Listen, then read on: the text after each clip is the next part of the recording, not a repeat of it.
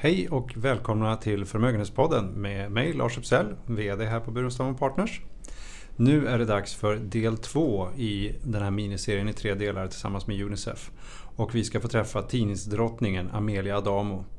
Eh, hon kommer naturligtvis berätta om sin eh, uppväxt i Italien och hur karriären växte fram. Men också naturligtvis då hur hon har jobbat tillsammans med Unicef under flera år och vad det ger henne.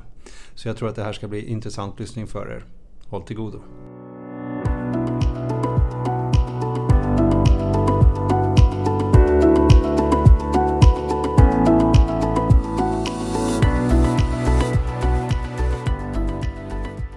Hej Amelia och välkommen hit. Tack så mycket. Amelia Adamo, du är känd, för många i alla fall, för den karriär som du har gjort i mediebranschen. Men det som kanske inte alla känner till det är ju din bakgrund och var du kommer ifrån. Så jag tänkte vi skulle börja lite grann där.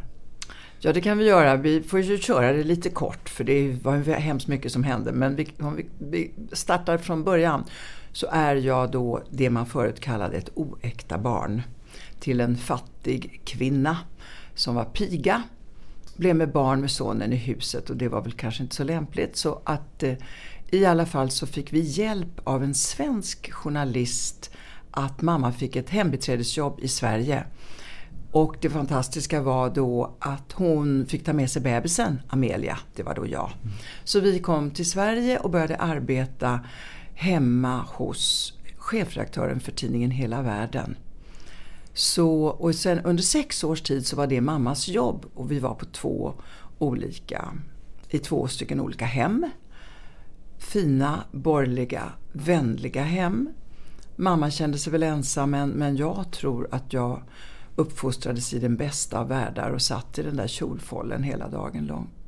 Sen blev det ett abrupt slut för mamma träffade en annan arbetskraftsinvandrare Oscar Adamo som kom hit för att jobba på Atlas Copco, tror jag det var, i Nacka. Och de gifte sig och då fanns det inte plats för mig så då var jag fyra år hos nunnor här i Sverige. Det var en hård och mycket disciplinerad tid. Och sen fick vi äntligen ett litet svenskt folkhem i förorten, söderförorten i en tvåa.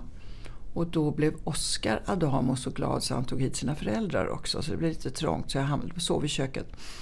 Och då kan man väl säga att eh, jag har, var med om en hel del världar eh, då fram till jag flyttade hemifrån när jag var 17. Just det, och sen fick du chansen att studera? Ja, eh, jag slutade ju tidigt för att eh, i den här världen som eh, jag befann mig i, förortsvärlden och de var invandrare, det var ju väldigt bra på, tiden, på den tiden att vara faktiskt ändå invandrare för det var relativt ovanligt och till exempel i, där vi bodde var vi de enda mörka på hela gatan. Vi var inte särskilt mörka men jämförelsevis.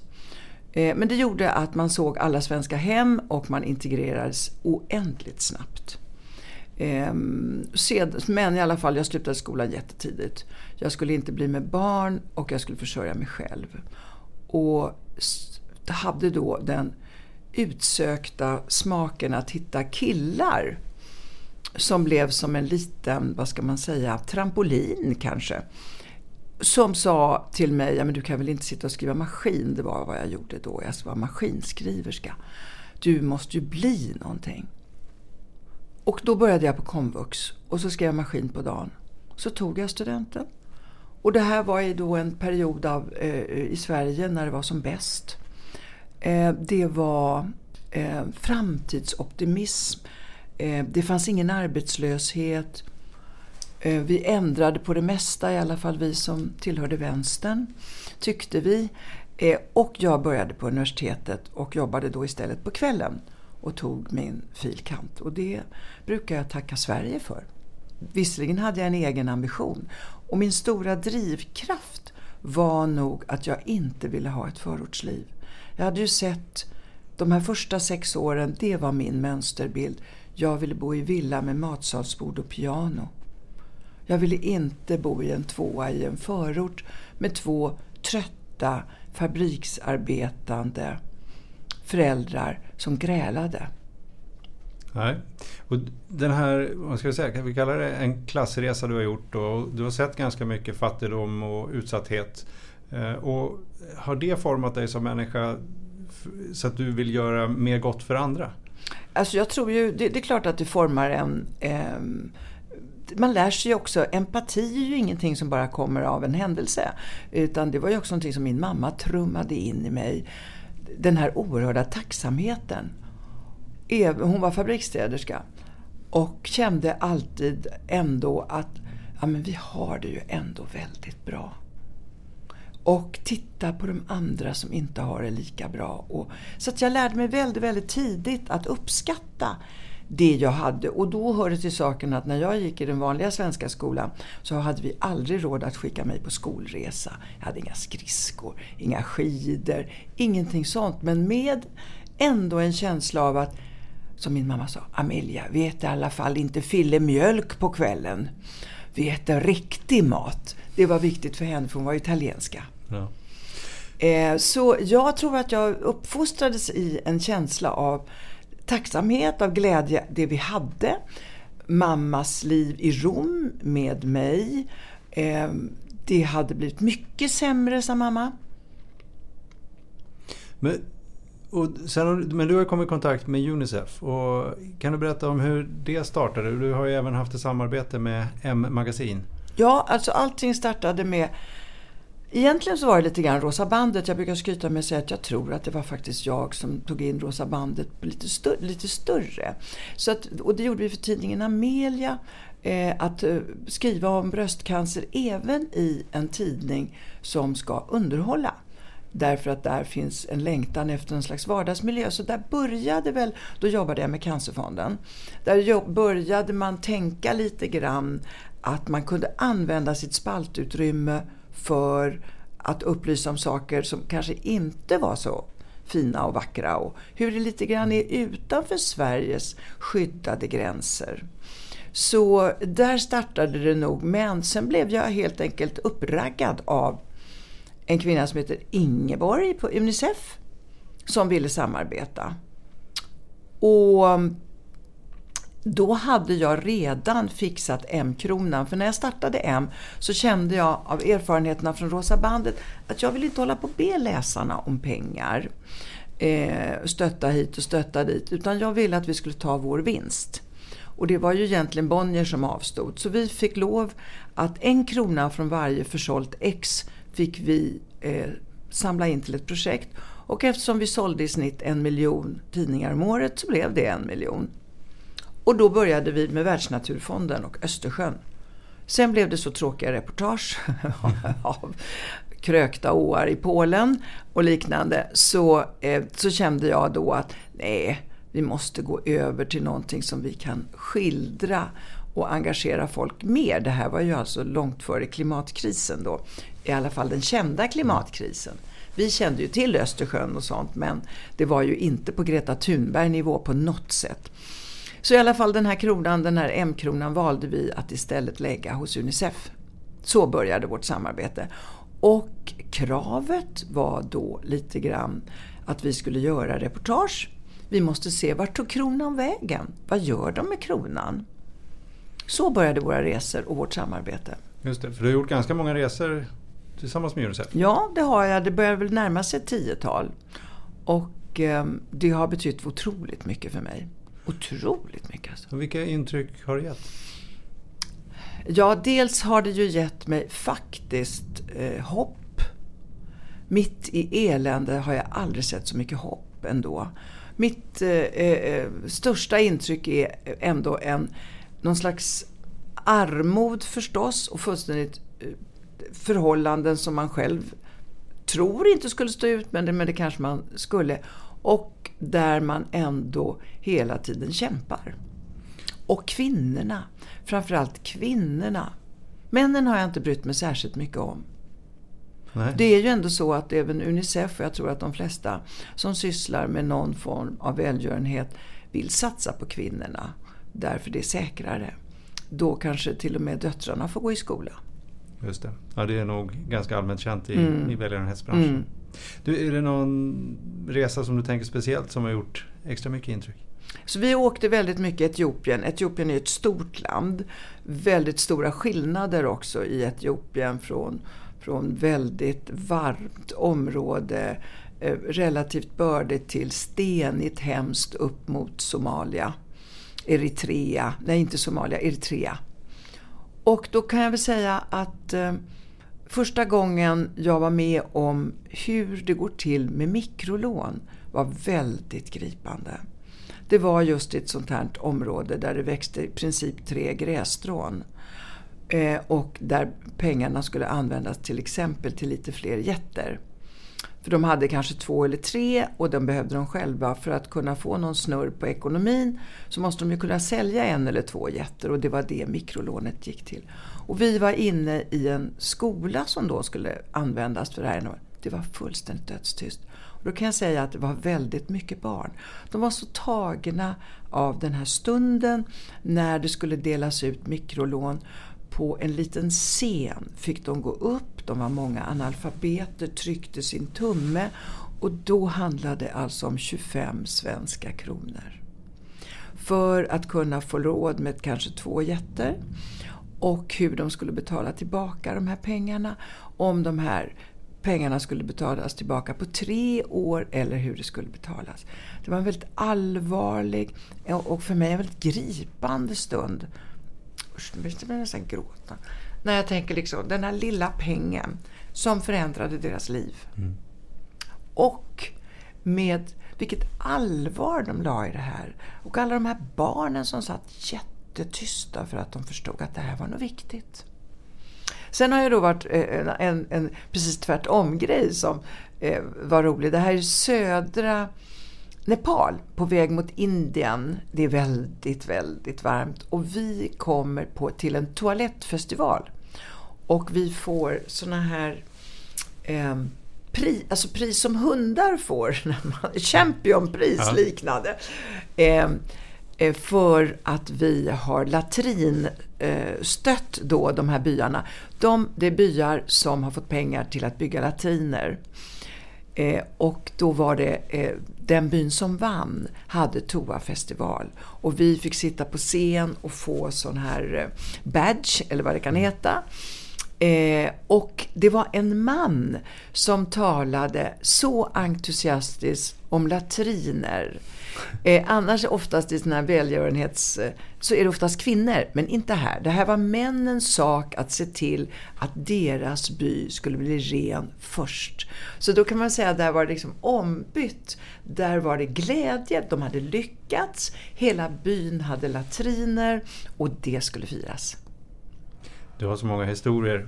Har du inte en historia till eller om ett möte med, med en kvinna som jag... Ja, den var också, eh, det var också eh, väldigt talande också hur små pengar kan totalt förändra livet. Som det gjorde för den här. Det här var en ensamstående kvinna, hon hade bara en dotter som gick i skolan.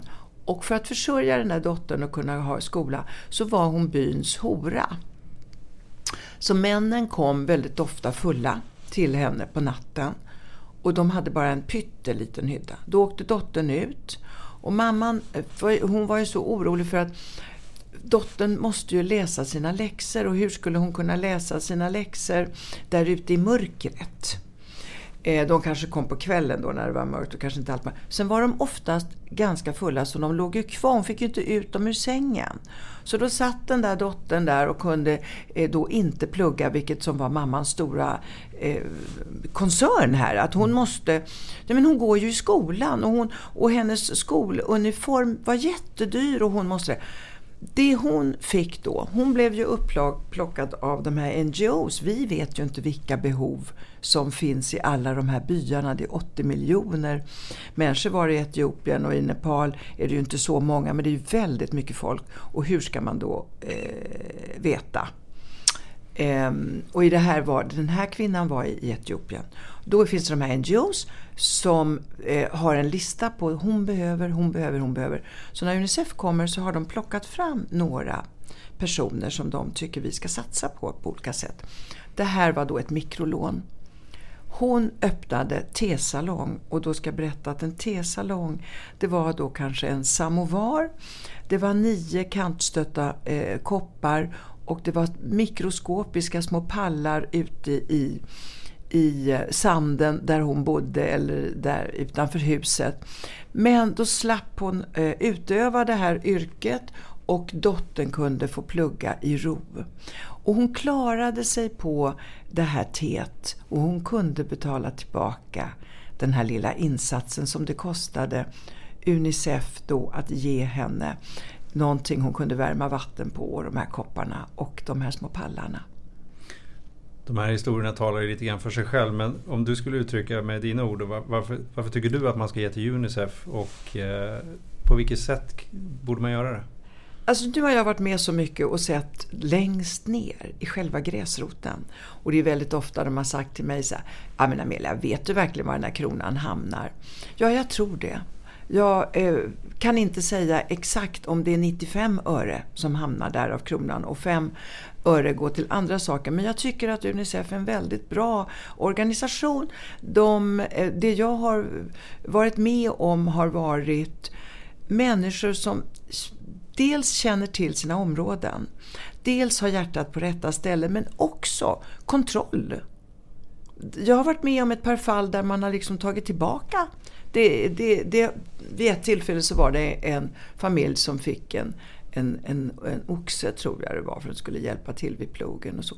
Och de sålde oxen för att göra andra saker med det. Och då får de ändå betala tillbaka den här oxen. Så man har liksom lite koll på att det är inte så att det strös som många tror här Eh, att det riktigt inte kommer fram. Jag skulle säga att det gör det och dessutom så har Unicef flera olika ben. Bland annat så, eh, så jobbar de ju jättemycket med att förändra till exempel kvinnors situation. Jag har sett vilka fantastiskt bra insatser de har gjort mot könsstympning.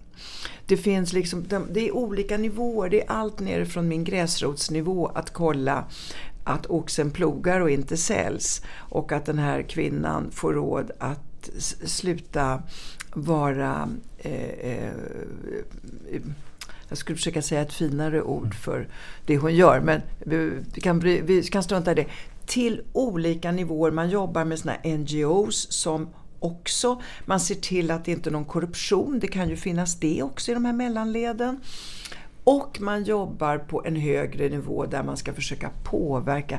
Jag menar, du påverkar inte diktaturen i Etiopien särskilt mycket men du kan på olika vis ändå påverka olika ministrar för hälsa till exempel.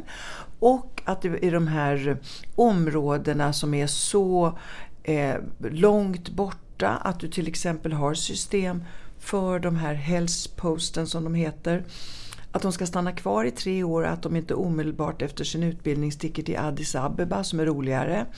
Eh, alltså det finns väldigt mycket man kan göra eh, på en, den nivån som Unicef är. Och då är det bra att ha en stor organisation. Det finns jättemånga bra organisationer men det här är en stor och mäktig organisation som jag tycker använder sin makt på ett mycket bra sätt. Jag skulle kunna hålla på så era öron blir fransiga av olika berättelser där jag tycker att de har förändrat villkoren i stort och i smått. Som jag har känt mig väldigt stolt över att få jobba ihop med dem.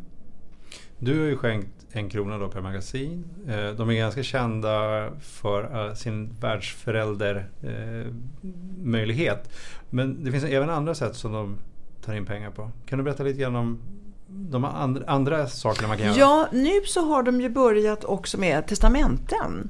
Att eh, man kan faktiskt testamentera eh, också lite grann om man har en förmögenhet. Och det här är väl förmögenhetspodden. Ja. Så kan man ju välja då, somliga gör det till Hjärt-Lungfonden.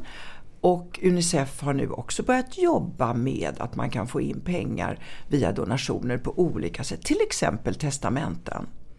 Det kan vara ett rätt skatteeffektivt sätt vet jag det också. Det är dessutom det och det kan de mycket bättre än jag. Men det är ett bra sätt också eh, för privatpersonen. Mm. För de behöver inte realisera skatten eventuellt som finns där i Nej. tillgångar. Nej. Eh, hur, skulle man, hur skulle du vilja liksom sammanfatta betydelsen för det här samarbetet med Unicef. Vad har det gett dig liksom mer på ett personligt plan? Alltså på ett personligt plan så tror jag att jag har formats är väldigt djupt som någon slags human människa. Men också på grund av att jag jobbar i näringslivet så tycker jag att jag vill ha rationella lösningar. Jag vill ha möjliga lösningar. Jag vill inte ha en massa babbel. Eh, inget så här politikertugg. Jag vill ha action. Och det har jag då sett att det, den där kombinationen är väldigt bra. En slags Roslingskombination. Han sa en gång till mig, Hans Rosling, ah, Amelia, du säger att jag är optimist. Jag är inte alls optimist. Jag är possibilist. Och då tänkte jag, ja, det är jag också. Och det tycker jag lite grann att jag har blivit av Unicef. Jag har sett att det är möjligt. Och avslutningsvis här på Förmögenhetspodden. Vad skulle du vilja säga då till de som funderar på att bidra till en bättre värld? Ja, det finns ju också en underbar skön må bra-känsla som du kan få som privatperson när du gör något gott. Den är lite underskattad. Ehm, vi tror att vi ska må bra av en massa andra saker.